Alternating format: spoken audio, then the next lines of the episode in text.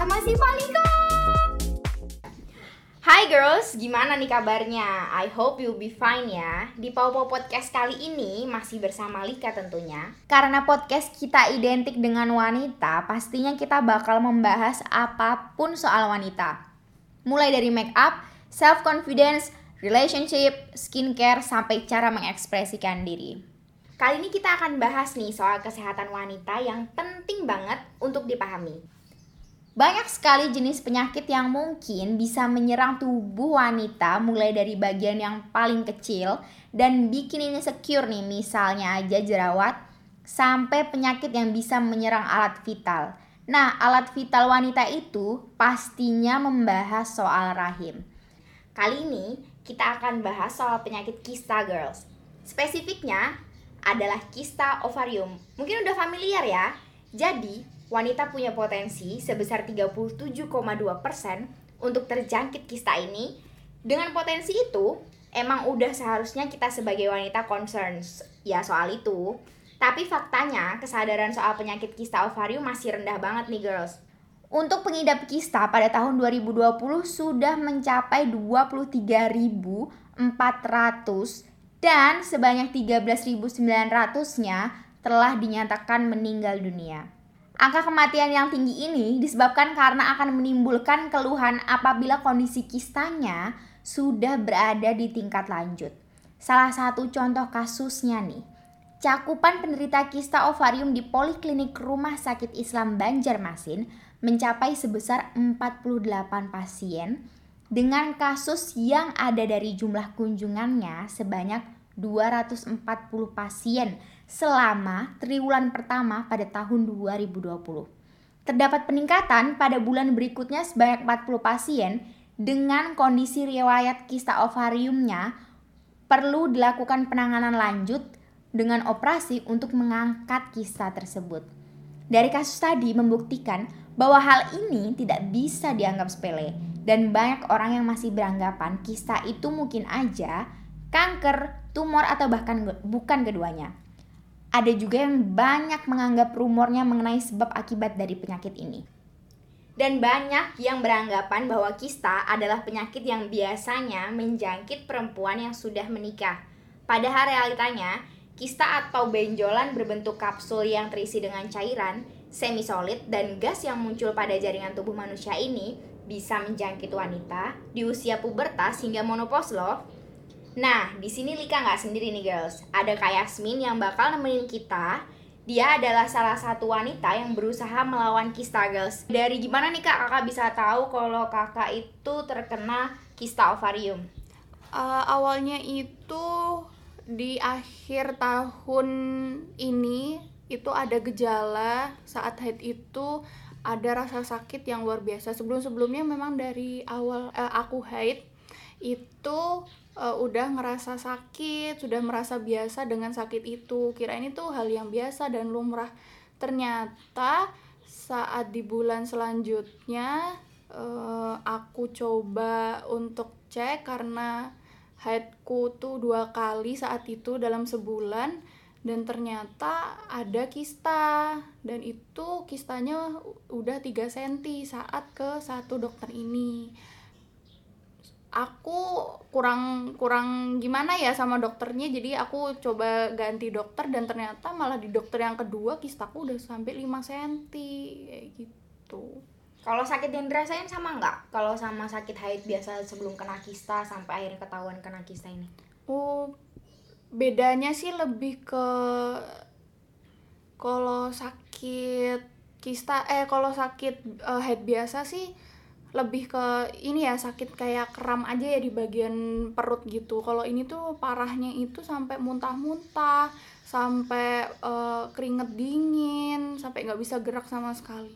Hmm, terus berarti dari dokter pasti ada dong solusi usaha penyembuhannya termasuk prosedurnya dari dokter. Itu kayak gimana sih prosesnya selama ini ke dokternya? Hmm, kalau aku sih awalnya obat karena kan memang aku sendiri kan belum nikah jadi belum ada untuk ada program hamil dan sebagainya kalau misalnya aku udah nikah dan ada program hamil pasti ada tindakan yang lebih serius untuk itu tapi kalau dari dua dokter yang pernah aku temuin sih semuanya nganjurin untuk pengobatan lewat uh, obat atau oral gitu. Kalau kista kan ada macam-macam nih. Kalau kakak sendiri kistanya apa sih yang kakak idap sekarang? Uh, kista endometriosis atau kista coklat. Uh, terus penyebabnya nih sama prosesnya kalau aku dengar-dengar kan ada kayak misalnya prosesnya harus USG berapa bulan sekali sampai kita bisa tahu kita lagi kena kista atau enggak. Kalau dari kakak sendiri gimana? Iya kalau untuk pengobatan yang aku lagi lakuin sih sebulan sekali memang harus ke dokter dan dilihat eh, dan proses USG itu dan harus dilihat diameter dari kistanya. Bila ada penambahan atau pengurangan uh, kista itu buat uh, bisa diobservasi lagi sama dokternya. Kita bisa mungkin nambah obat atau ngurangin obat kayak gitu. Penyebabnya sendiri? Kalau untuk penyebabnya itu sampai sekarang yang aku tahu dan dari dokter yang aku pernah temuin itu jawabannya ya gara-gara hormon aja dan itu pun uh, bu dan itu dari dok dari dokter pun belum sebenarnya bener, belum benar-benar tahu su penyebab uh, awalnya sebenarnya ada kista itu apa ya istilahnya kayak ya kita dilahirkan untuk punya kista seperti ah, jadi bukan dari makanan iya, atau dari pengalaman bukan gitu ya? lifestyle ya? dan sebagainya ah. memang ya itu terus obat sekarang yang dikonsumsi apa aja sih yang dari dokter untuk prosesnya sendiri ini lagi konsumsi obat hormon sih dan ini oh ya alternatifnya tuh ada empat untuk pengobatannya tapi aku milih untuk uh, pengobatan lewat obat hormon yang aku konsumsi setiap hari selama enam bulan. Dan kalau untuk opsi lain itu seperti laparoskopi atau uh, pembedahan. Terus yang kedua itu disuntik enam bulan sekali. Eh, selama enam bulan itu sebulan sekali itu harus suntik hormon. Terus yang ketiga itu opsi yang aku pilih sama yang keempat itu uh, obat dikasih dua minggu sekali gitu tapi nggak dari dokternya sih nggak nyaranin ini soalnya memang bukan untuk ngurangin atau biar kista ini nggak tambah besar kayak gitu. Terus tadi aku dengar juga kakak bilang kalau kista yang sedang ada di badan kakak itu kista coklat. Sebenarnya kista tuh ada berapa sih uh, jenisnya? Kalau untuk kista sendiri itu yang aku tahu sih ada tiga ya. Jadi tuh ada kista dermoid. Itu kista dermoid itu biasanya isinya itu kayak rambut, lemak, kayak jaringan-jaringan gitu. Tauku ya. Terus ada kista denoma. Itu kayak ini apa kista tapi berkembangnya tuh di luar ovarium gitu. Nah, terus sama satu lagi tuh kista yang aku lagi idap ini endometrioma atau endometriosis hmm. itu biasanya berkembangnya atau menempelnya di ovarium gitu hmm. terus kayak yang pertama tadi aku bilang kalau misalnya kan kakak belum menikah padahal banyak banget orang yang berpandangan orang kena kista itu padahal orang yang sudah menikah. Menurut kakak sendiri gimana tuh? Hmm, ya buktinya saya sendiri terkena kista ini kan. Dan memang untuk kista ini tuh uh, gimana ya? Kalau orang mikirnya habis nikah dan sebagainya kita sebagai perempuan yang sudah haid pasti ada kemungkinan untuk mengidap kista ini dan yang membedakan hanya dua kalau ada kista yang uh, ketahuan yang kita ketahuan oh kita punya kista tapi uh, bisa dengan sendirinya itu hilang. Ada yang kista yang memang kita ketahuan ternyata posisinya sudah besar dan memang terus bertambah untuk diameternya kayak gitu. Jadi ada dua. Jadi sebenarnya kista ini tuh uh, sebenarnya prevalensi sampai kista sampai sebesar itu itu mungkin yang ketahuan yang sudah besar aja hmm. sebenarnya ada orang-orang yang malah belum malah nggak tahu dirinya kena kista tapi tiba-tiba udah hmm. hilang hmm. aja itu kistanya kayak oh, gitu oke okay, oke okay. berarti dia responnya ke tubuh orang tuh pasti beda-beda eh, iya, ya kistanya beda -beda. Okay. dari juga dari besarnya kista itu sendiri kan hmm. yang bikin ini terus orang nih masih bingung nih sebenarnya kista itu masuk kategori tumor atau kanker nih menurut kakak sendiri yang pernah denger yang pernah lihat nih ada yang hilang langsung atau perlu penanganan operasi kayak gitu sebenarnya gimana sih? Sebenarnya tuh kista itu jaringan. Tapi untuk dikatakan kanker atau tumor itu harus ada pemeriksaan lanjutan. Hmm. nih sempet nih aku nih sampai dibilang untuk eh, tes CA125 untuk mengetahui ini kanker atau enggak. Dan memang untuk eh, progresivitas atau perkembangan kista yang setiap bulannya misalnya bertambah ada kemungkinan bisa menyebabkan atau terjadinya kanker pada eh, kanker pada kista itu sendiri. Yang awalnya kista eh ternyata malah ternyata tuh jaringan kanker itu juga bisa. Makanya perlu banget untuk ke dokter dan periksa sih kalau untuk ingin tahu dia ini kanker atau tumor gitu Ah iya sih, kayak pengalaman kayak misalnya ada nenek sebelah rumah aku ternyata dia enggak aktif, akhirnya cuma diangkat doang. Terus bude aku yang sampai meninggal dunia itu ketahuan kisahnya kan udah gede banget, terus udah pendarahan hebat. Akhirnya kan di eh, diobatinnya udah telat banget sampai nggak ada. Makanya nih perempuan-perempuan sekarang harus fokus, harus sering cek ke dokter supaya kita tahu kita punya kista atau enggak biar penangannya lebih cepat. Nah, sekarang nih sebagai orang yang lagi berusaha untuk mengobati dan kita doain pastinya semoga cepat sembuh wejangan Amin. atau saran pribadinya nih buat temen-temen yang jangan sampai kena yang lagi kena atau gimana pun buat temen-temen cewek di luar sana gimana sih kak? Eh, untuk yang belum kena aku saranin sih untuk cek ke dokter kandungan ya setidaknya sih enam bulan sekali untuk tahu lebih dini. Kalau misalnya kita kena kista atau enggak. Kalau misalnya kena kista pun pasti penanganannya bisa lebih cepat.